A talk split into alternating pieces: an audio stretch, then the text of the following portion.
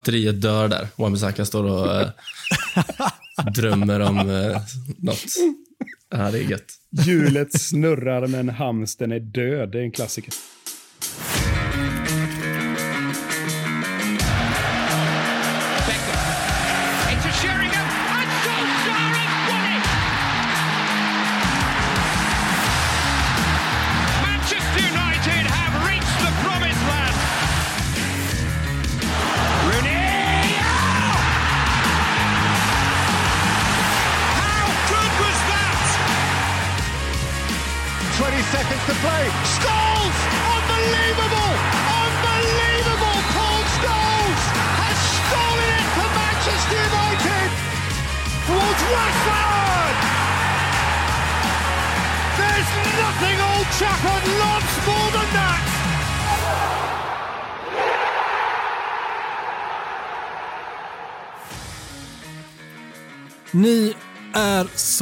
Varmt välkomna till ännu ett avsnitt av United-podden. Podcasten som du inte visste att du längtade efter. United-podden görs i ett stolt samarbete med både den officiella supporterklubben MUS och United-redaktionen på Svenska fans. Jag heter Adam Fröberg och med mig har jag inte helt otippat supporten som hellre tar ett uselt domslut att klaga på än en vinst för United. Har du några invändningar där Mackan? Nej, det, det ligger ganska mycket sanning i det tror jag. Tyvärr. Men eh, sån är jag. du måste ha någonting att hugga tänderna i som är riktigt så här, eh, som du kan bita ifrån på. Ja, men det är gött att ha det ibland. Det man får ut ganska mycket eh, ilska på det. Så eh, ni som sitter där ute och tänker vad sysslar du med? Pröva ibland. Så det kan hjälpa. Få ut andra aggressioner också, möjligen. Exakt. Micke, du är med oss för andra veckan i rad. Det viskas om att Gustav gjorde en rangnick här. På samma sätt som han inte kunde peta Dalot efter Arsenal-matchen så kunde Gustav inte peta dig efter din högklassiga insats i senaste avsnittet. Kan du bekräfta detta? Ja, men eh, omedelbar blixtbekräftning får du på den. Gustav eh, är ju allt mer ute i kylan. Det är en tydlig trend som vi har här. Vi har ju en panel som, eh, som reviderar och, och betygsätter här. Och han har fått väldigt låga betyg genomgående i hans insatser. Så det, var, det var ju dags för en längre bänkning nu helt enkelt. Ja, vad vi vad får- tänker ni? Vi får ta in honom här så att han får svara på dina påhopp varje avsnitt. Jag har varit ganska lugn nu det sista. Ja, det har Han har haft en tendens att ha motsvarande betygssättning på mig. Men, men det jag tänkte på mest här, vi, innan vi drog igång inspelningen här, så har vi noterat att Mackan verkar vara på ett strålande humör trots eh, sin benägenhet att leta syndabockar, oavsett om vi vinner med 10-0. Han gick runt och sjöng och ja, det var några fina toner vi hörde där. Vad var det du fick höra Mackan? Det var väldigt vackert. Jag vet inte, det var väl någon eh, egenkomponerad julsång jag har snickrat ihop här hemma. Men eh, jag, jag vet inte vad som har flugit in i mig. Jag bara går runt och ler för mig själv, kommer jag på mig ibland. Och det, det har inte hänt på ett tag. Obehagligt eller? Lite. Jag tycker i alla fall. Jag känner inte igen det. Nej, jag vet inte vad det är. Du tar starkt avstånd ifrån dig själv, Mackan. Ditt nyfunna humör. Jag tar, eh, jag tar avstånd från min lycka. Jag vet inte, jag måste... Jag får väl grotta ner mig här några dagar och hitta tillbaka till den här ångestfyllda mackan igen. Ja, vi gillar faktiskt honom allra, allra bäst. Det gör vi. Hörni, vi har dessutom startat upp en gemensam Musikhjälpen-bössa i år där vi hoppas att mantrat “Tillsammans är vi starka” ska leda till lite extra klirr i kassan för välgörenhet. Musikhjälpen samlar i år in pengar för en värld utan barnarbete, vilket vi självklart vill stötta. Och vi hoppas innerligt att ni lyssnare också vill göra det genom att skänka pengar via vår Manchester United-bössa. Ni hittar den på våra sociala medier eller genom att söka på just Manchester United-bössan på Musikhjälpens hemsida. Grabbar, visst vill vi upp och tampas i toppen med supporterna till de andra lagen i år? Det vill vi, det vill vi absolut. Så jag har sett att eh, Ledley Kingsknä har väl startat starkt här, så det, det är väl Ja, bara... De har ju tjuvstartat, de har varit igång sedan i somras förmodligen. Ja, exakt. Klassiskt Tottenham, lite så fuska för att få lite fördelar. Men eh, upp och tampas med dem ska vi väl. Det är, det är ju absolut målet. Det tycker ja, jag. Ja, ja. De och Liverpool och Chelsea-supporterna brukar alltid ha sina duster där och vi har varit eh, svagare för att vi har varit lite uppdelade vi som United-supporterskara. Eh, så jag tänker vi att vi sätter oss i samma båt, Muss och svenska fans och så försöker vi få med alla i, i den båten så gör vi någonting riktigt bra av detta tillsammans. Ja, vi känns eh, ruggigt starka och det ni är inne på här, Tottenham och, och, eh, Liverpool och så vidare, det är ju ofta eh, tomma skramlande tunnor. Eh, så nu ska vi visa att eh, vi minsann levererar. Så eh, vi har ju förväntningar att eh, ni hakar på här. Det gör vi. Mot eh, topp fyra även här då.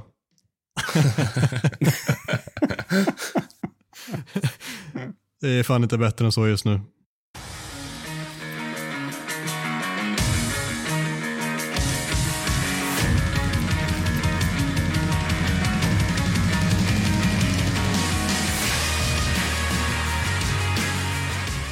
Igår när vi spelade in detta spelade United 1-1 mot Young Boys med, ja, just det, unga pojkar på planen. Matchen var resultatmässigt helt betydelselös för United, men vad kan vi ta med oss ifrån den?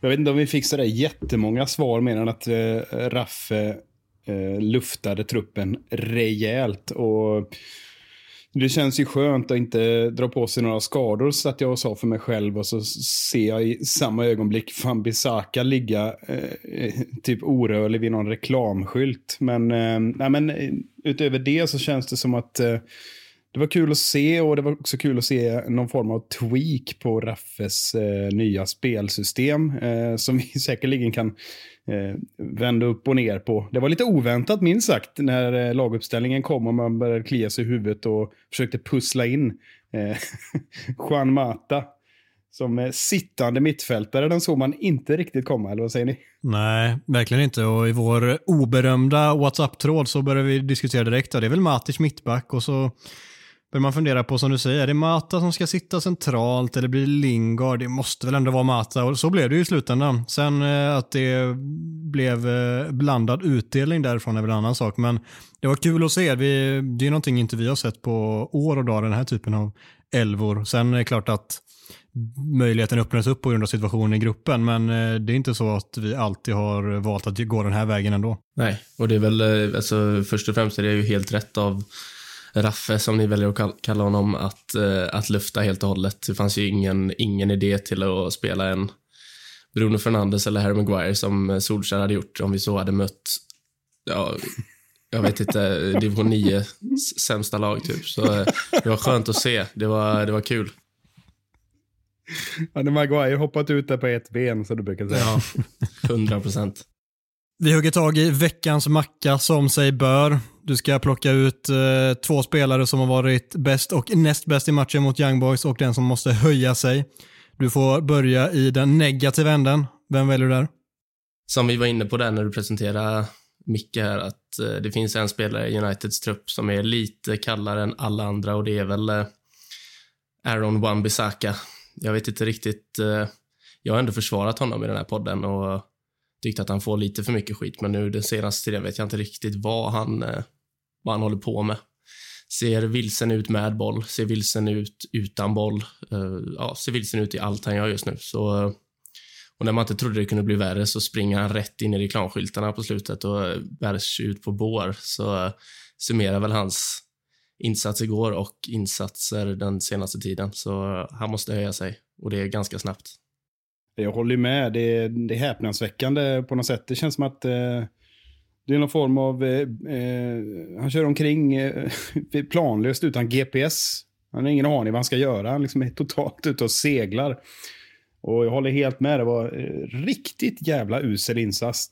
insats. Klart sämsta i United-tröjan och klart sämst på plan, skulle jag vilja säga. Och eh, ja, Det finns säkert många anledningar till det som vi kan komma tillbaka till, men eh, jag vet inte riktigt vad det är som händer just nu. Jag håller med om att han var usel. Jag håller med om att han var eh, helt hopplös på alla sätt och vis. Och ändå tycker jag att han ändå inte var sämst i United på planen. Jag tycker att Jesse Lingard var ännu sämre. Jag, mm. han, alltså, ingenting funkade heller. Och ja, det går att argumentera för att Wan-Bissaka inget funkade heller. Jag håller med. Alltså, det går att säga vilket som helst av de två enligt mig. Men jag, alltså, Lingard, jag trodde att vi skulle få se någon energispelare. Han springer absolut, men han gör ingenting annat. Så fort han får bollen nära sig så bara studsar den ifrån honom för lång touch hela tiden.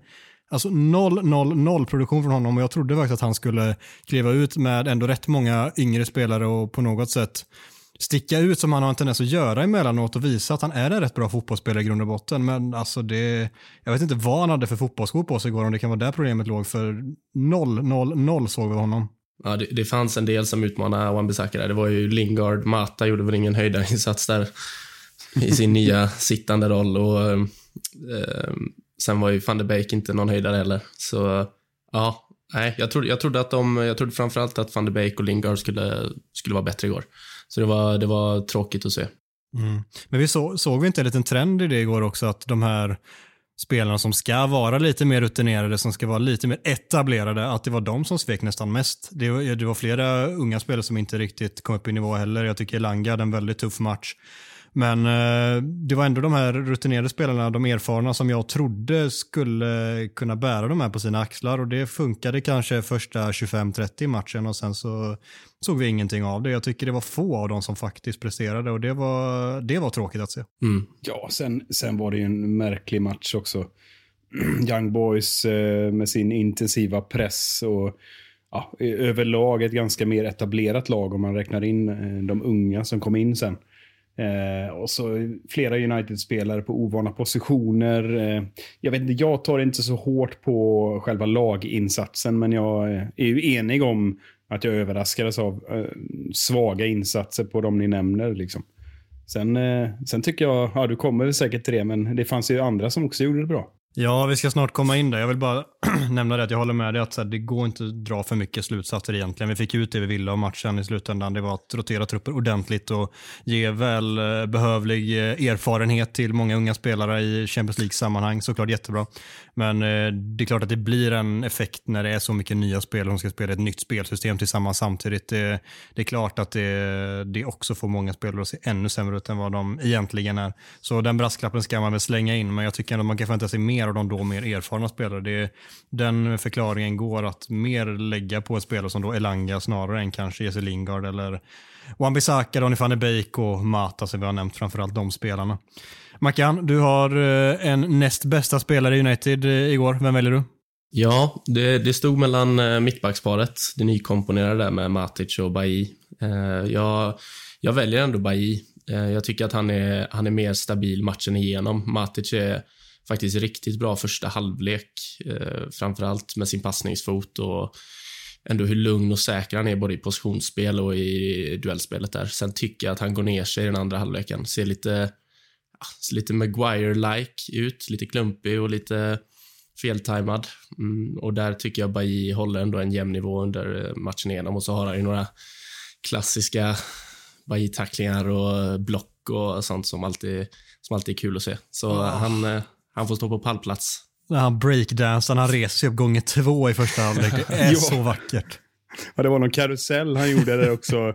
som höll på att bli en fin kontring med. Som bara han kan göra. När han liksom, man tänkte vad gör han nu? Och så bara dribblar han sig ur någon omöjlig situation. Men först måste jag bara stämma av här med dig Mackan. Har du på dig någon sån här strömkoppel som om du skulle säga Bailly så, så drar det till ordentligt. Jag noterar ett, ett skifte här till Bailly. Ja, exakt. Jag har ju fått sån eh, språkpolis på mig här. Så Eh, ja, nu är det, nu är det Bailly som gäller då från min sida. Eh, ja. Även om jag gillar att pilla in ett litet L där. Men eh, det ska jag hålla mig ifrån. Du har fått eh, hård kritik efter senaste avsnittet framförallt.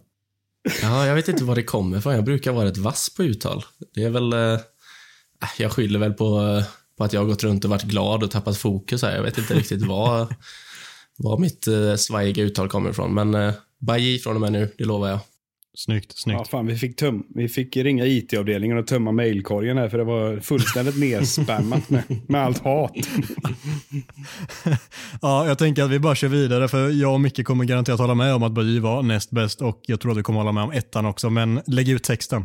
Mason Greenwood såklart. Eh, jag, jag tycker att hans mål eh, bara det målet han gör förtjänar väl att ge honom första platsen egentligen. Sen, sen gör han ju en bra match rakt igenom och borde ju haft en assist också där när han serverar Mata på silverfat i första halvlek. Eh, sen, som resten av laget, så gör han ju en sämre andra halvlek, men det är också svårt att bedöma hans insats där när United går ner sig så pass mycket. Eh, men han visar att, eh, att han är en supertalang och att han absolut kan nå hur långt som helst. Det tycker jag han visar så fort han är på planen i stort sett. Så ja, han var bäst. Vi måste in och skärskåda det där målet. Alltså ser ni hans kroppsställning innan mm. inlägget kommer in? Det är ju fysiskt omöjligt att sträcka sig ut i det ytterläget. Bakåt lite grann med benet. Och sen koordinera sig eh, så perfekt så att han kan få den träffen på ett för övrigt fantastiskt inlägg. Men å andra sidan så är ju inlägget inte konstruerat för, kanske Ronaldo hade fixat det också, men det är ju inte många som, som böjer sig och får den kroppsställningen som gör att det blir mål där. Så att han har gjort någon sån, någon sån här hysterisk nedtagning. Jag minns inte vilken match det var. Men han också liksom i ett extremt ytterläge får med sig bollen när folk bara står och tittar och inte förstår hur det går till. Liksom. Eh, West Ham borta förra året kan vi tipsa mm. lyssnarna om att kika in. Då är en otrolig medtagning, nedtagning och så dunkar in bollen efteråt. Ja, det är helt magiskt. Alltså, jag, jag har sett det målet nu 17 gånger på riktigt. Jag, bara, jag får inte riktigt in det. Det kan tyckas enkelt. Ja, det var en volley, men det är inte bara en volley. Titta igen, säger jag då. Mm. De som jag, såg att, eh, jag såg att Ferdinand jämförde honom med van Persie i BT Sports studio. Det är väl svårt att inte göra den jämförelsen. Och han, han är väl inte den första som gör den jämförelsen heller. Men Nej, det, det ska mycket, veta.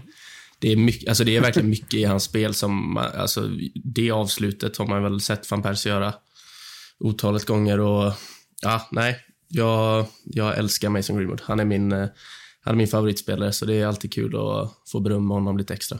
Det blev inte två mål dock. det hade ju varit elakt mot schweizarna. Vet du. De, de hade ju något att spela för. Han vill inte, han vill inte grusa deras förhoppningar för tidigt där. Ja, Den barmhärtige Mason Greenwood.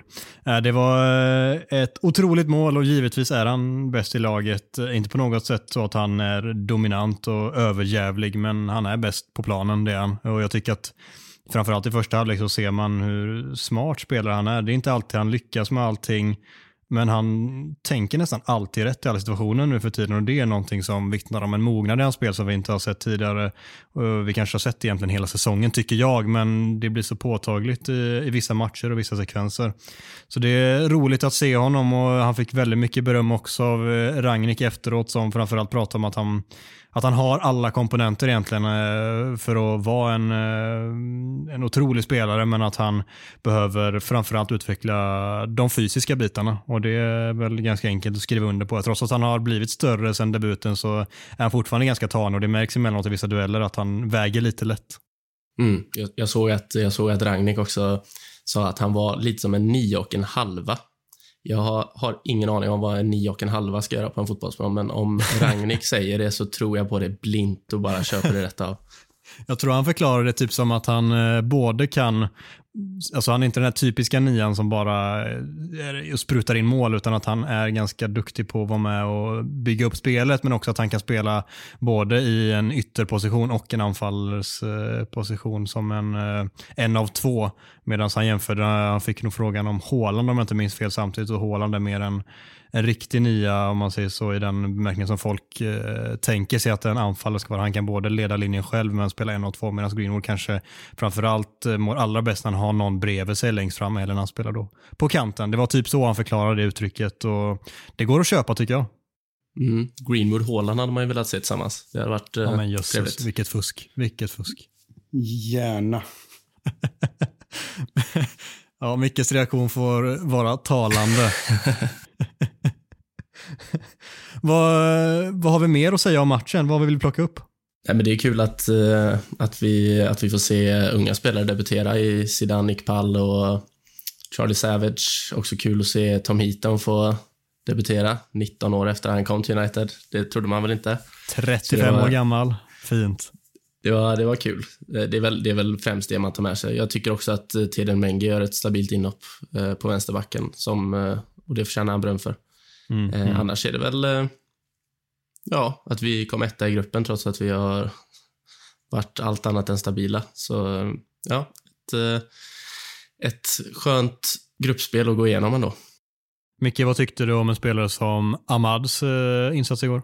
Inte jätteimponerad, men han har ju haft det besvärligt också. Och ni nämner att Greenwood är lite spenslig och, och uh, kanske lite svag i fysiken. Och vad är då inte Ahmad. Jag tycker att han räcker inte riktigt till i... Eh, det är rätt så tydligt att han eh, får mycket stryk. Visst, det finns tunna yttrar som Bernardo Silva och som väger 12 kilo och ändå är dominerande. Liksom. Men, men eh, nej, jag är inte alls imponerad. Det ser ut som att han tänker ganska mycket när han spelar. Och eh, Jag är inte så säker på att han spelade på rätt position igår heller. Men eh, ja, nej, jag, jag tycker det finns lite mer att visa där innan, innan jag blir övertygad om att han kommer blomstra i United.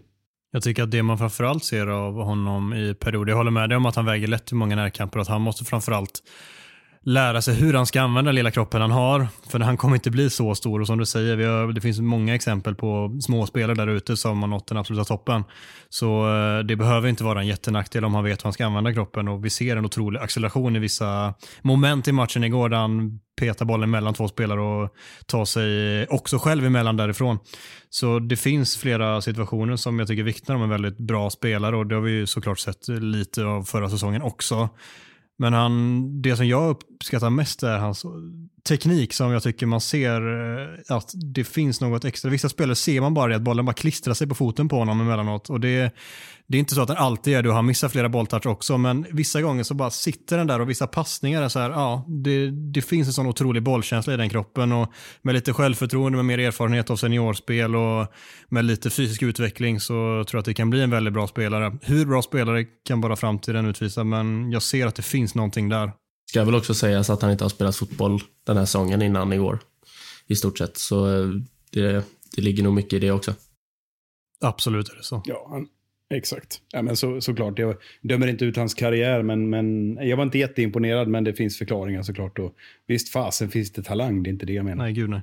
En sista puck jag vill plocka upp här är, eh, som jag tänkt flera gånger på tidigare när Ragnik kommit in de här två veckorna kanske drygt, att Dean Henderson är en målvakt som, jag säger inte att han är bättre än de Gea, för det är han inte och han kanske aldrig blir det heller.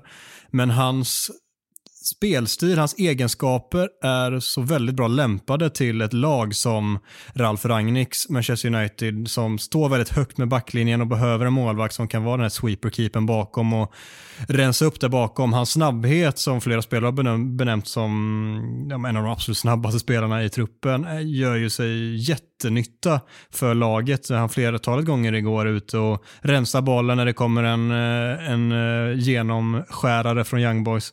Och eh, Den typen av spelstil eh, är väldigt nyttig att ha. Det är inte de Gea. Sen huruvida det är rätt att spela Henderson istället för de Gea eller inte, det, det, där har jag inte landat i det än. Men jag tycker att det finns vissa fördelar med att spela Henderson i många matcher också. Nej, men jag har tänkt på det att eh, ni vet ju när målvakt rör sig så tänker man ofta, men man ser direkt att det är en målvakt. Det är något speciellt med liksom lite stolpig, liksom, eh, lö, stolpigt löpsteg och lite kantigt. Eh, det känns som att man är, de är ute på djupt vatten så fort de är utanför straffområdet. Men då, om du tittar på extremexemplen då som Ederson som eh, har en fantastisk fot och också rör sig relativt smidigt, gillar att komma ut och helst gärna vara inblandad i alla uppspel. Och så ytter, ytterkanten då som vi pratade om förra avsnittet, Ramsdale som jag tycker mer och mer ser ut, han ser ju ut som en eh, vänsterback snarare i hela kroppsspråket. Och så då jämföra med andra, typ värsta exemplet någonsin, så David Seaman. Ett gammalt kylskåp som vaggade omkring med sin ponytail. Så att mer, så Henderson, det jag vill komma till är att hans eh, liksom, eh, stil, hans eh, kroppshållning, hans sätt att röra sig är ju mycket mer smidigt än en, en generell målvakt skulle jag säga. Jag kommer ihåg de Gea gick ut och rensade en boll mot Arsenal tror jag det var efter en djupledspassning som blev lite lång. Han var ute utanför eget straffområde. Jag på få hjärtattack. Jag har aldrig sett de Gea utanför mållinjen knappt. Så eh, det, det är ju en, eh, en pusselbit han egentligen saknar om, eh, om vi vill spela med en lite högre stående backlinje. Och, ja, det, det var väl två, tre gånger första tio minuterna igår som Henderson var ute och hjälpte till. Så det, det talar ju för honom i längden. Men eh, vad, vad, tror vi där då? Blir det en utlåning? Det ryktas väldigt mycket om att Ajax vill ha in honom på lån i januari och eh, det kanske skulle kunna vara någonting. Eller tror ni att det är bättre att behålla honom just för att han har de egenskaperna som vi kan möjligen eh, vara i behov av? Mm, jag, jag, tror att det bästa för honom personligen skulle ju vara att, att bli utlånad i, i januari eh, och sen eh, få får United utvärdera situationen i sommar. Jag, vi har varit inne på det förut på podden. Jag tror inte att han att han kommer acceptera att vara andra val så mycket, så mycket längre till. Jag tror att han har nått den punkten nu att han känner att han vill spela kontinuerligt i en relativt stor klubb som han ändå kan göra. Så en utlåning hade nog varit bäst för honom i dagsläget.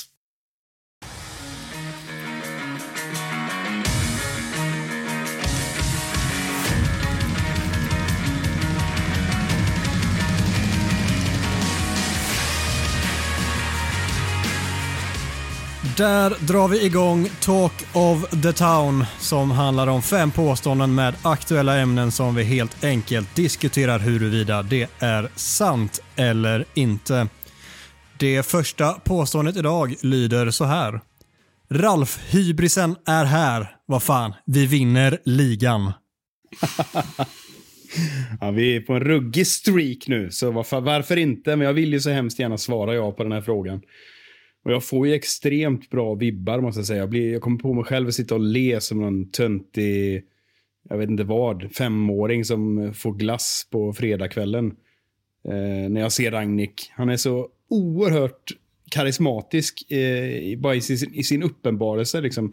Ni vet den här tryggheten, pondusen, självförtroendet och glimten i ögat som finns där bara helt naturligt hos en, hos en eh, en människa, en manager, en, en, en fotbollshjärna som har varit med och vet vad han går för och står för det rakt ut. Eh, ja, det känns så jävla behagligt bara på något sätt. Och en nystart är väl ett klyschigt svar, men, men hans aura lär ju, eller borde i alla fall smitta av sig på truppen. Och kan vi gå rent fram till nyår så vill jag gärna få den här frågan igen. Men eh, här och nu så är det klart att uppförsbacken är enorm med tanke på starten vi har haft och lagen som ligger framför oss. Framförallt de som ligger där uppe. Men eh, det känns ju inte obehagligt direkt i kroppen.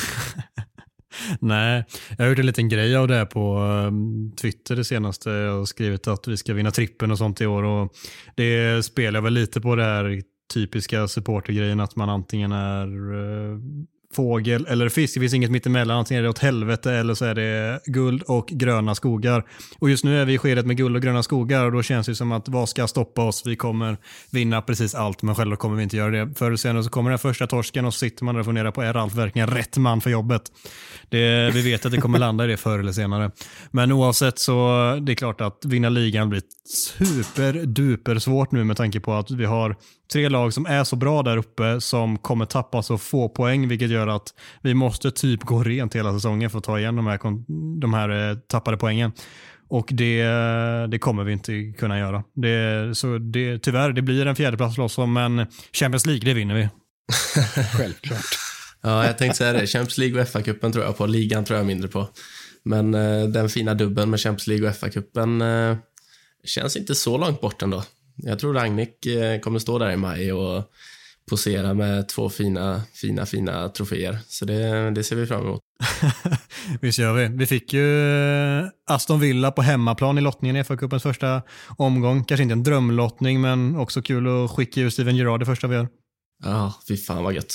Lika bra att få, att få ett lag som man håller uppe matchtempot. Jag såg de andra lagen fick väl typ Chesterfield och Halifax Town eller vad det nu var de andra Premier League-lagen. Ja, som, typ så. Ja. Så får vi Aston Villa. Ja, det, ja. det känns som att det varit så mycket de senaste åren i inhemska kupperna framförallt att vi oftast får ett Premier League-motstånd medan de flesta andra topplagen får eh, de här eh, League 4-lagen typ. Äh, det, det, är vad det är. Vi ser till att vinna de matcherna ändå och eh, det blir ju faktiskt, om jag inte minns fel, så blir det två raka möten med Aston Villa där vi har ligamöte med dem direkt efteråt. Det känns som att det blir så här lite för ofta, att man har eh, samma lag i kuppen innan man möter dem i ligan. Märkligt nog, det var väl samma med West Ham i ligacupen senast om jag inte mm. minns fel. Och, och, Brighton också. Ja, så är det tydligen eh, upplagt för att det ska bli när alla Manchester United och lottningar. Men ja, det blir väl kul att vinna en FA-cup och en Champions League enligt Mackan. Jag säger bara Champions League och Micke säger, har vi ligavinst? Nej, det, det tror jag inte på, men jag tror däremot att vi tar FA-cupen. Vackert. Vi får i alla fall en titel minst, det, det njuter vi av. Aaron Wan Bissaka tar aldrig tillbaka sin startplats. Vi har varit inne på honom. Vem vill hugga tag i den? Eh, ja, eh, det, är väl, det är väl lite för tidigt att säga det kanske, men eh, om, om det fortsätter i den här spiralen samtidigt som Dalot fortsätter att imponera, som han faktiskt har gjort. Jag har blivit väldigt imponerad av, av Dalos insatser den senaste tiden. Särskilt, eh, särskilt mot, eh, mot Palace där han framförallt visar vilka kvaliteter han har i offensiven med sitt passningsspel. Det var flera gånger han bröt alltså, så många...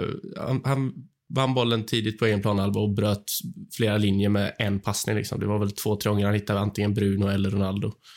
Så det, det mycket beror väl på hur Dalot presterar. Men eh, med det sagt så tycker jag att Dalot ska vara givet första val just nu. Ja, men vad ska man säga om vår Spiderman? Han hade ju en ganska brant utvecklingskurva när han kom från Palace. Det minns i alla fall jag. Och jag tyckte han gick lite från klarhet till klarhet, blev rätt snabbt ordinarie och nådde någon sorts peak förra, i slutet på förra säsongen. Och rätt förutsägbar att betygsätta varje match om man, är, om man har den rollen. Eh, bra defensivt och svag offensivt brukar man summera hans insats och så får han typ godkänt. Eh, men brittisk media brukar ju, har jag noterat, brukar lite elakt säga att han, han behöver detaljerade instruktioner om hur han ska röra sig på offensiv planhalva. Och det är ju det är rätt anmärkningsvärt. Men i år har han på något märkligt vis, tycker jag och många andra, och Jalkemo får äntligen vatten på sin kvarn här. Eh, att han har liksom på något sätt backat två år i utvecklingen. Det, liksom det tidigare adelsmärket defensiven då, som han har varit rätt tät på, ser mest ut som en cirkus nu för tiden. Och självförtroendet borta på det, jag menar då visar han att han är en ganska medioker eh, ytterback. Och Dalot som, som du säger Mackan, liksom, han har ju lite portugisisk connection, verkar ha fått en litet uppsving sen Ronaldo kom till klubben. Eh, har ju nämnts av Mourinho som en av de stora, stora talangerna. Kanske har vi en ny Cancelo på gång där, vem vet. Men eh, jag sätter ett lite frågetecken till Dalos positionsspel defensivt som jag har sett lite för lite av för att kunna liksom bedöma att han tar över platsen helt. Men eh, jag skulle säga att platsen är i farozonen för van Bissaka. Vågar du säga att han aldrig tar tillbaka startplatsen? Nej, det är för tufft att säga aldrig. Eh, så jag säger kanske på den. Jag, jag tänker så här, jag, jag har lärt mig att man inte ska, man ska aldrig säga aldrig gällande ytterbackarna i United. Jag höll på i flera år att få ja, utbrott på Luke Shaw och hans prestationer och sen från ingenstans så blev han Shawberto Carlos och allt vad han kallas. Så eh, Aaron Bissaka har nog ett eh, uppsving i sig, det tror jag. Ja, det, så, nej, det går inte att säga aldrig. Som det ser ut nu så ser det väldigt tufft ut det Wan-Bissakas säsong egentligen har varit allt annat än bra. Eh, jättedålig i ärlighetens namn och senaste tiden eh, ännu sämre än så. Att han ska ta tillbaka den inom närtid, nej, det ses som uteslutet såvida inte Dalot skadar sig. Uh, men uh, också, man har, det bakhuvudet, jag håller med om att Dalot har varit jättebra de två senaste matcherna och jag har trott på honom länge och när folk har sagt att han inte är någonting att ha så har jag ändå känt att det finns någonting där, vi ska inte ge upp helt och hållet. Men samtidigt har man också den här Villarreal-matchen i bakhuvudet när han blir totalt bortgjord av Danjuma gång efter gång efter gång. Så om en sån match helt plötsligt kommer, då, eller två matcher, och han bara tappar det, den typen av självförtroende som han har byggt upp nu, då är chansen nära för Wan-Bissaka igen och kanske får han en bra start då helt plötsligt. För han är också en otrolig självförtroendespelare som jag var inne på förra avsnittet. Han, han måste vara bra, mm, göra två, tre bra aktioner första tio minuterna så gör Wan-Bissaka en väldigt bra match. Men gör han inte det, han misslyckas med någon touch, han, något uppspel som sitter på fel spelare eller vad det nu handlar om, så vet man att det blir en jobbig dag för Wan-Bissaka och så har det varit i 9,5 och 10 fall den här säsongen tyvärr. Så det, jag vågar såklart inte säga aldrig och det ser väldigt tufft ut för honom och eh, jag sa också förra veckan att jag tror att han kan överraska och snarare bli en av de spelarna som, som drar nytta av eh, Rangnicks eh, inkomst. Så det, är såklart, det får jag absolut inte vatten på min kvarn för efter senaste insatserna mot Young Boys och sådär. Men jag tror också att det kommer vi se över tid. Det ser vi inte nu direkt i början utan det kommer vi se när Rangnick har fått jobba med honom på träningsplanen och utveckla honom via alla möjliga sätt som han har till sitt förfogande. Jag vet inte exakt hur han jobbar, men jag tror att vi kan, vi kan se en skillnad i Wan-Bissaka under säsongens lopp. Om det är tillräckligt för att han ska bli startspelare i United igen och vara ordinarie på så sätt som han har varit under Solskär, det tvivlar jag faktiskt på. Men det kan bli så, absolut. Det känns inte sannolikt, men det kan ske. Exakt, och om man ska titta specifikt på ja, men, eh, de sista matcherna här, eller van Bissakas spelstil. Ni vet, liksom när backlinjen bollar runt som vi ju gör och så säger Glenn Strömberg att United är inte så bekväma med det. som vi alltid hör, liksom som ett dagens eko som kommer varenda gång. Och det, det vet ju motståndarna om att vi har liksom inte eh, Liverpools klass där, eller Citys klass i, liksom, när vi försöker rulla runt. Men det är ju påtagligt när Fambisaka får bollen vid fötterna. Han eh, slår ju sällan bara iväg en boll längs korridoren, utan han vill ju helst ta med sig bollen, gärna in i planen. Och då har jag ju noterat att det är väldigt mycket misstag kopplat till att han ska ta sig ur trängda lägen när han får press på sig från två håll. Och så finns det ingen eh, eh innermittfältsfot att lägga in bollen på som med trygghet kan spela oss ur det. Så det blir ofta antingen spel tillbaka till mittback, eh, Lindelöf då, eller så försöker han ta sig in i mitten och bli av med bollen. Och det är ju någonting som Rangnick behöver få ordning på. För det är ju det, vi, måste, vi kan inte bara lämna över bollen och pressa, liksom, men vi måste kunna spela upp bollen. Och då tycker jag Fambisaka är en stor säkerhetsrisk i just det spelet. Han är ingen spelare som släcker bränder där, utan han skickar branden vidare och hoppas att någon annan kan släcka den hela tiden. Mm. Och det är precis så så han fungerar i uppspelsfasen och då mår han inte bra av att spela runt omkring sig, framförallt på mittfältet som inte kan släcka bränder. Han skulle behöva en jättebolltrygg mittfältare där som kan ta emot bollen varje gång. Alltid finns i rätt yta och alltid bara ta bort pressen från laget och så kan vi börja spela vidare därifrån. Men eh, när vi inte har det, det är som igår, det är alltså jösses vad det är livsfarligt varje gång han får bollen där och det kändes som att Youngboy-spelaren märkte det med tidens gång att oj, här kan vi verkligen dra nytta av honom. Så fort han får bollen så åker vi bara och det det slutade illa ett par gånger och det hade kunnat sluta ännu mer illa än vad det faktiskt gjorde i slutändan. En grej som jag tänkt på Kronos som jag också vill få in innan vi går vidare är att han, han, är, han är bra i första och sista tredjedelen men usel i den mellersta tredjedelen om man säger så. Alltså, han är bra på att försvara i den första. Jag vet att det finns problem med hans positionsspel emellanåt men på det stora hela är han en bra försvarare. Och jag tycker att när han väl kommer till sista tredjedelen så oftast, i alla fall när, kanske inte senaste tiden när hans självförtroende är på botten, men normalt sett så om man har senaste säsongerna i åtanke så tycker jag att han är ganska bra sista tredjedelen. Inte klass på något sätt, men det är där han har sina styrkor. Men mellersta tredjedelen, där är han ju, alltså, mm. ingenting fungerar och det, det är som Micke säger, det är en fara av honom där. Mm. Mm. Det är konstigt, det är som att han tappar all förmåga han har när han, när han får bollen på mittplan. Typ. Han har samma touch som min farmor. Liksom. Så eh, jag vet inte, det är konstigt. Han är, han är ju en konstig fotbollsspelare. Liksom. Får man ändå säga. Din farmor tar ofta med sig bollen in i plan istället för att... ja, otroligt eh, spelsmart eh, spelare, spelare. Otroligt spelsmart är hon, farmor. Kul att hon får lite ja. upprättelse här i podden då. Ja. För sitt fotbollskunnande. Det låter som att vi alla säger att han aldrig kommer ta till, eller att han inte kan säga aldrig, för han, det kan ske, eller vad säger ni? Ja, check på den. Det låter ju tråkigt att vara så platt, så jag, jag säger att han aldrig tar tillbaka den då. Kul att du vågar sticka ut hakan. Bra, då ska jag sätta mig i Mickes båt eh, med gott samvete. Baby United. United har den bästa återväxten i ligan. Micke, du kuppar in den här, så jag tänker du får nästan förklara den och så får du köra därifrån. Ja, men den är ju lite provocerande, men eh, tittar man historiskt så, så saknas det väl inte egna produkter som har gått in i, i A-laget och levererat direkt. Eller vad säger ni? nej, det saknas inte. Nej. Så eh, när man ska titta på, på den här spännande eh, generationen som ändå är på väg upp nu så, så upplever i alla fall jag det är en annan typ av, eh, av spelare. Det är extremt bolltrygga spelare som kanske inte riktigt har fysiken då generellt. Det är väldigt, det är väldigt småväxta. Det är en trend som jag noterar. Jag vet inte om det är jag som är yrar eller om det nu är så, men men jag skulle säga att något riktigt superstarkt namn bakom Greenwood kanske vi inte har just nu, men bredden måste jag ändå säga imponeras. Och bara det att Visst, det finns andra lag som roterar. Liverpool har också ett gäng som får spela en del. Eh, Kom in lite folk som såg ut som de eh, knappt var jag vet inte, 12 år eller sånt där, i deras eh, senaste match här. Men jag imponeras ändå av, av bredden vi har som är på väg upp. Det känns som att det är ett helt koppel av spelare. Där jag, i alla fall jag har ganska svårt att lyfta ut en eller två som kommer med säkerhet att bli hur bra som helst. Så där är väl inte så spetsigt kanske, men, men äh, mitt, min, äh, min utläggning här. Men jag, det känns ändå som vi har någonting på gång och det ska bli jäkligt intressant att se vad Rangnick och hans fotbollsfilosofi kan göra med den här, den här generationen United-talanger eh, äh, som kommer upp älskar ju det med United. Det är en av de delarna som jag brinner allra mest för kring klubben. Att vi har en sån, ett sånt otroligt band till våra ungdomslag och våra ungdomsspelare akademin är så närvarande i United, vilket man inte ska ta för givet i den här typen av mastodontklubbar.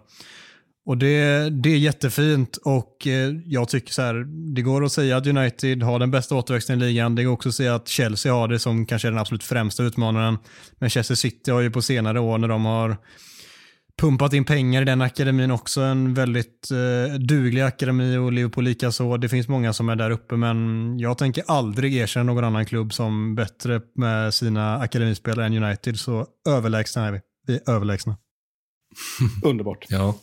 Det är, jag, en spelare som har kommit fram genom akademin de senaste åren som jag fortfarande grämer mig för att han inte är kvar är ju Angel Gomes som, som alltså så fort jag såg honom i ungdomslagen så blev jag typ kär. Han är liksom 1,22 lång och helt magisk med bollen och sån spelförståelse och nej, och han gjorde mål och assist för Lille igår i Champions League. Så jag blir typ glad så fort jag ser honom spela fotboll. Så det, jag, jag tror att det var ett jättemisstag att släppa honom.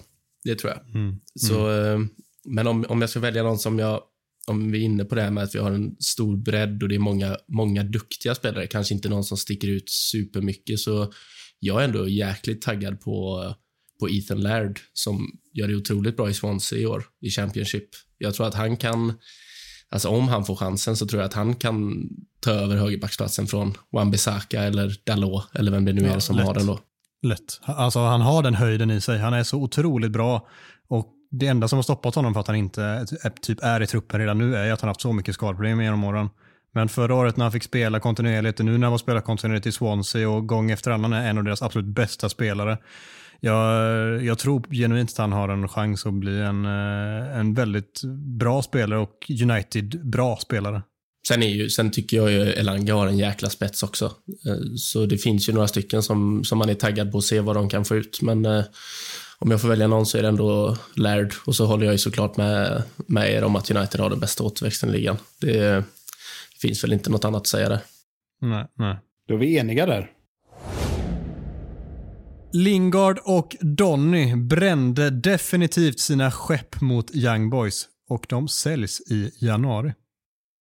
Min känsla är ju att, eh, och säkert många andras, att Lingard vill bort. Det är ganska tydligt. Det står liksom Newcastle skrivet i pannan på honom eller vad det nu blir. Han hamnar. Men eh, oavsett så, det såg vi i fjol i West Ham, liksom att han, eh, han kan få en stor roll och upprätthålla sin landslagsplats som ändå inte är liksom jättelångt borta. Och det är klart att eh, jag önskar Jesse Lingard allt gott och vill bara att det ska gå bra för honom. Och det är ganska tydligt att han kommer få det tufft med den här konkurrensen. Och bränna skepp vet jag inte, men eh, jag skulle snarare säga att han vill ju eh, bort. Eh, det kändes inte som att han tog chansen riktigt och tog det inte riktigt på allvar. Och, och Donny är mer tveksam, tveksam om han verkligen vill bort, även om det står på Twitter att hans agent har sagt ditten och datten.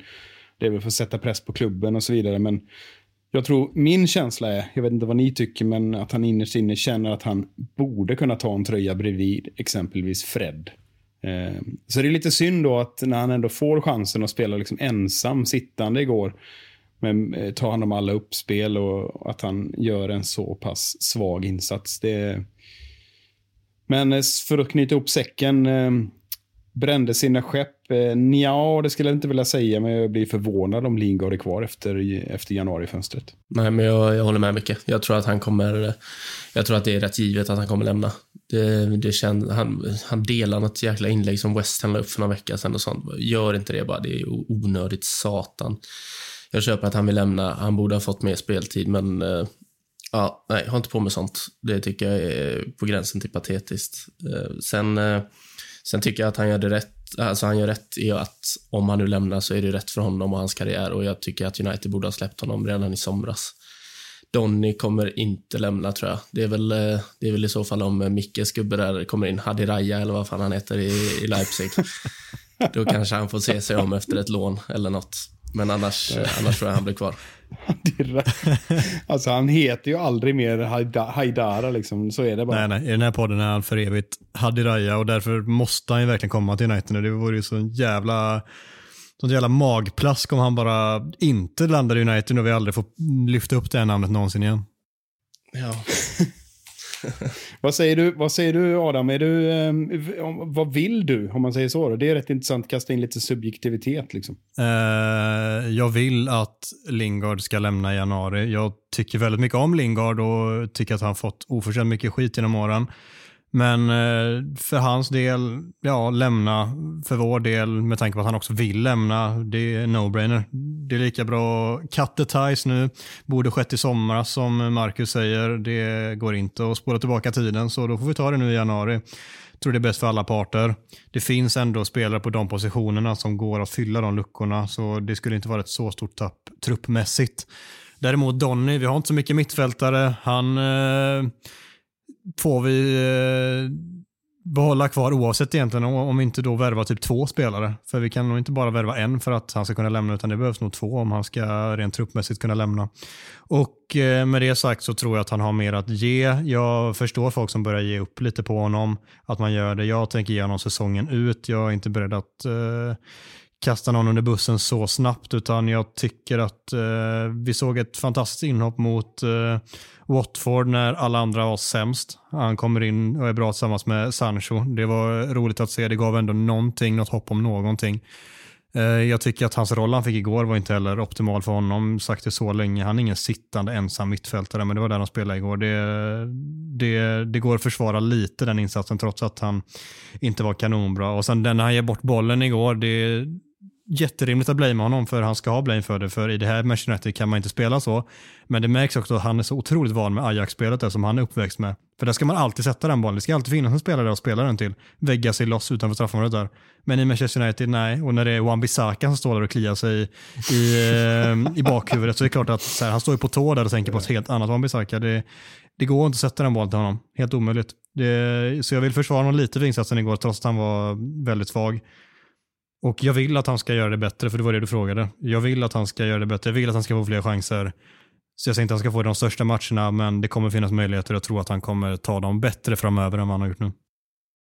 Jag fick sån jävla bild i huvudet på när du drog det om Fambisaka nu. Jag, jag är ingen Fifa-spelare, men man ser ändå framför sig att Ragnik sitter med, med kontrollen och försöker styra Fambisaka. Och så, och så går det inte, så bara bryter sönder kontrollen och kastar iväg den istället. Med, den knappen fanns inte.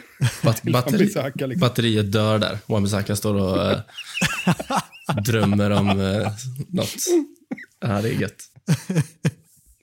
Hjulet snurrar men hamsten är död. Det är en klassiker. Har ni tänkt på det på, på Wan-Bissaka? Han ser oftast ut som att han står och dagdrömmer typ. Ja, han är nyvaken. Han är skön. Ja, men ni, också ni som lyssnar, alltså, gå in och kolla på typ så här lagfoton innan matcher kolla, och så bara zoomar ni in på Wan-Bissaka. Det ser ut som att han inte vet vart han är någonstans. Han ser ut som att han ja, precis har vaknat och så bara, åh jäklar nu, vad, uh, ja, ja, nu är det match. Okej, okay, kör vi. Tänk att ni ligger typ i djupsömn och så kommer det någon polare eller morsa eller vem det nu är och väcker dig och du fattar inte vad, alltså, vet inte vad du är, du vet inte vad du heter, du har ingen koll på vilken planet du befinner dig på. Så ser han ut typ innan match och under match. Ex exakt den eh, laddning man vill ha när man står på inneplan där. Åh jävlar.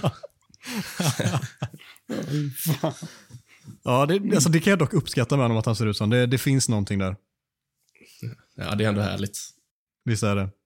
Vi drar lite en eh, summering här vad vi tänker. Lingard och Donny brände definitivt sina skepp mot Young Boys och säljs i januari. Vad säger Mackan? Jag tror, jag tror inte någon spelare brände sina skepp igår. Men eh, med det sagt så Lingard lämnar, Donny stannar.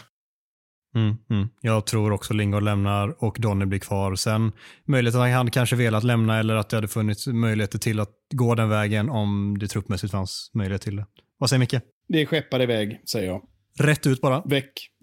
Väck, väck, väck. Gillar att du är tydlig och rak. Det var en dum idé att ta bort bortamålsregeln. Nej, men det tycker jag var på tiden. Det har känts som en, eh, en gammal kvarleva från tiden när man åkte häst och vagn till bortamatcherna. Och det, sist jag kollade så gör man ju inte det, utan man åker väl eh, såna här moderna flygplan med Recaro-stolar och mysiga hörlurar med noise cancellation gånger. Det är som att sitta i ett svart hål. eh, och lyssna i, i de lurarna som Pogba har på sig. Nej, men i eh, CL-kontexten som vi ändå gissar jag håller oss till här så, så blir det bara mer och mer rättvist tycker jag att gruppettorna i det här fallet United då givetvis eh, får den fördelen i åttondelen. Men sen såklart så blir det ju lite mer slumpartat i nästa steg. Men jag har varit irriterad på den här regeln länge och så har man liksom bara mest levt med den. Eh, att ja, ja, den finns ju och så vidare och så har man förhållit sig till den. Men det är ändå skavt. Jag vet inte vad, vad ni andra säger. Ja, jag, alltså jag landar nog också i det. Jag vet inte, jag, jag satt och tänkte här på eh, gånger eh, man har blivit irriterad över den där bortamålsregeln och jag kommer inte på något konkret exempel så, men jag tycker att det är det är en ganska märklig regel. Jag, jag fattar ju grejen lite, men samtidigt är det det känns som Micke säger, det känns som förlegat liksom. Det är så stor påverkan som det ändå har haft många gånger, tycker jag inte att en sån regel ska få ha. Jag vet inte om... Ja, som sagt, det kan, jag kan väl ha blivit påverkad av att jag har suttit och varit irriterad över det någon gång, men jag kommer inte på något konkret exempel, så förmodligen är det, tycker jag bara att det är en dålig regel, liksom, att det är skönt att slippa den. Kan det ändå vara det bästa som har hänt, Mackan? det är det bästa som har hänt i mitt liv någonsin. Där har vi ju roten till din glädje då. Ja, fatta vad deppigt det hade varit om det var det bästa i mitt liv som hänt någonsin. då hade man ju... Ja, då hade man nog behövt omvärdera sitt liv, tror jag. Men vi, vi kör på det. Jag är så jävla arg på den här bortamålsregeln att när den äntligen försvann så släppte allt, alla knutar. Ja. Det var som världens största klump i mitt bröst bara smulade sönder och jag har gått runt och med ett leende på läpparna nu i, ja, när, jag gick, när jag tog den bort den. För säsongen så du ändå haft ja. ett tag då. Så det, det kom en sen effekt ändå på den. Först nu det, det lossnar för dig. Jag, jag, har inte fattat vad det innebar. Jag har bara gått, med, jag har bara gått runt och varit arg ändå och sen bara borta mot regeln borta. Jag bara, åh, äntligen. Nu kan jag leva ja. ja, för att vara lite seriös då, så eh, är jag mer inne på att det kan vara en dum idé att ta bort bortamålsregeln. Jag tror att det kommer bidra till väldigt mycket fler eh, målsnåla matcher, kanske till och med 0-0 resultat. Det var just därför det togs in från första början, för att bortalagen ska anfalla mer på bortaplan. Och jag är rädd att det kan få den effekten även nu. Att eh, vi får mer den typen av resultat för att det inte är lika viktigt för bortalagen att gå framåt i matcherna. Därav tror jag att det kan bli. Och sen har vi alltså vårt bästa Champions League-minne post Fergie är ju på grund av eh, ett bortamålsregelmål. Marcus Rashford borta mot Paris Saint-Germain. Hade vi fått utan? Nej. Nej. Nej, men det var ju de förutsättningarna då. Man kan inte leva i det förgångna, Adam. Lite lätt konservatism som vi, vi andas här. Visst är det trevligt med lite konservatism emellanåt. Jag är för nytänk, men ibland måste man ju hålla fast vid det gamla också. Du vill ha tillbaka de här, att man kan plocka upp inkast också? Målvakten kan... nej, nej, där, där, där drar jag faktiskt gränsen. Det finns eh, goda videos på det från eh, Peter Schmeichels sida. Har ni sett dem? ja. ja. Och så kastar han en 200 meter sen. Ja, exakt. Kasta ut bollen på andra sidan stadion. Ja. Liksom. Men jag skulle säga det, alltså, nu när jag tänker efter på den här bortamålsregeln, alltså egentligen det är ju dåligt om man ser ur ett United-perspektiv, för vi är ju bättre på bortaplan än vad vi är på hemmaplan. Så... Eh, Japp. Ja. Nej, nu tar jag tillbaka allt. Nu är jag deppig igen. Nej. Nej, jag skojar. det är det värsta som har hänt. Ja, nej, jag, jag säger att det var en dum idé att ta bort den, för jag tror att det kommer resultera i tråkigare matcher. Och ni säger att det var en bra idé. Då släpper vi Talk of the Town för den här veckan.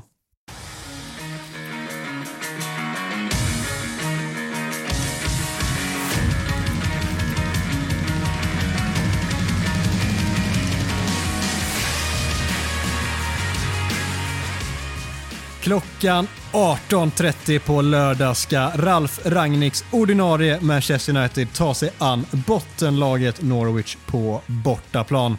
Här är det givetvis bara tre poäng som gäller, men hur ordnar vi det, Mackan? Eh, genom att göra fler mål än motståndarna, tror jag. Ah. är du hockeytränare, eller? Ja. Åka med skridskor och... Hockeytränare på deltid. Nej, nej men eh, genom att eh, fortsätta på den inslagna vägen skulle jag väl säga. Alltså fortsätt eh, som, eh, som Ragnik älskar att säga att man... Eh, eh, vad, vad är det han säger nu? Nu tappar jag bort orden här. Kontroll. Fan så jävla platt. Proactive heter det. Nej, men som, som Ragnik älskar att säga, att vi ska, vi ska vara proactive och vi ska vara on the front foot. Alltså mot Norwich blir det väl viktigare än mot någon annan motståndare. Det är ju Premier Leagues överlägset sämsta lag. Så, och de saknar sin bästa spelare, vilket vi inte ska glömma. Vem är deras bästa spelare? Brandon Williams. Så är det. Så det är, det är ju direkt en fördel till United redan innan match. Så nej, men eh, vi ska, vi ska fortsätta på den inslagna vägen. Vi ska spela som vi gjorde de första 30 minuterna mot Palace. Genom att pressa dem högt, genom att sätta fart på bollen och fylla på med mycket folk i boxen, för Norwich kan inte försvara. Eh, jag brukar dra jämförelsen till Guys och jag skulle nog fan säga att de är på deras nivå försvarsmässigt. Alltså. Ja, men det är verkligen så. Sätt plattan i mattan från start. Gör gärna ett par, tre bollar och sen så kan vi bara slappna av sen. Det behöver inte bli som mot Crystal Palace när energin helt väntat kommer dö runt 60 minuter. Att vi måste jaga mål på annat vis. Utan då kan vi ta det lugnt där, rulla runt lite, byta ett par spelare, få lite ny energi, kontra in en boll till och så har vi en 4-0 och så är vi klara för helgen. Det blir jättebra. Mm. Jag känner också vi, när vi har kollat lite i, i historik, eh, i, i historieböckerna, jag ska säga. Eh, två torsk på senaste tolv har vi och resten segrar. Liksom, så det här, det här laget ska ju bara köras över. Och jag tror att eh, just Rangnick-spelet mot den här typen av ja, backlinjer som är extremt svaga. Vi mötte Crystal Palace, hade svårt att, att ha, få hål på dem, men eh, vi stressade sönder deras backlinje och tillintetgjorde egentligen deras spelidé. Och eh, jag vet, jag vet, faktiskt inte riktigt vad Norwich har för spelidé under, under Dean Smith nu, men de försökte ju passa bollen under, under tysken, liksom, men nu... Jag tror att eh, det blir en munsbit för oss. Jag har svårt att se något annat. Men då måste vi ligga stenhårt på dem, inte ge dem en enda sekund. Och sen fortsätta spela så offensivt eh, med mittbackarna. Eh, gå förbi och ta bollen när den långa kommer upp och behålla trycket hela tiden. Då, ja, då har vi 4-0 som du säger. Ja, men exakt. Inte låta dem andas utan fortsätta med den här pressen hela tiden så de inte hittar de luckorna de får vila med boll och sådär. Utan mal på bara, kör. Det, jag, jag tror att det Nej, jag tror inte. Jag är helt övertygad om att det är receptet för att vinna den här matchen ganska komfortabelt. Med tanke på hur mycket bättre spelare vi också har därifrån som kommer göra mål på de här lägena som dyker upp så småningom. Och sen har de också Tim Krul i mål också och han är ju den mest icke älskvärda personen vi har inom europeisk toppfotboll va? Eller är jag ute och svingar för hårt nu? Det får du fan med utveckla. Måste... Han känns bara som en så här ruskigt vidrig, självgod person. Jag kommer ihåg när van Gaal bytte innan där i EM, och han, eller VM eller vad fan det var. Och han tog tre straffar och trodde helt plötsligt att jag är världens bästa målvakt och så vidare och så vidare. Han, eh, han känns bara väldigt, väldigt, väldigt eh, otrevlig. Och eh, Sen ser han ju ganska otrevlig ut också, ska jag tilläggas. Hela hans utseende osar ju bara självgod och... Fan, nu blir jag lite arg nu när jag sitter och tänker på honom. Nej, men så fem, fem sex bollar ska vi kunna trycka Oväntad in. Oväntad hatspelare man kan lobba upp här. Ja, jävligt oväntad. Men visst är det lite Jens Lehmann-vibbar Exakt vad jag skulle säga. Exakt. Exakt Jens Lehmann och Tim Krul. De är samma målvakt, typ. Lika... Mm, vidrigaste någonsin. Lika lätta att hata är de båda två. Men jag har också en, eh, ett tillägg här. Vi måste kasta in lite historiska hatmålvakter då. Eh, Eh, jag glömmer aldrig u EM på hemmaplan när eh, om det är Marcus Berg eller Toivonen ska slå en straff och så Joe Hart, mitt eh, hatobjekt nummer ett.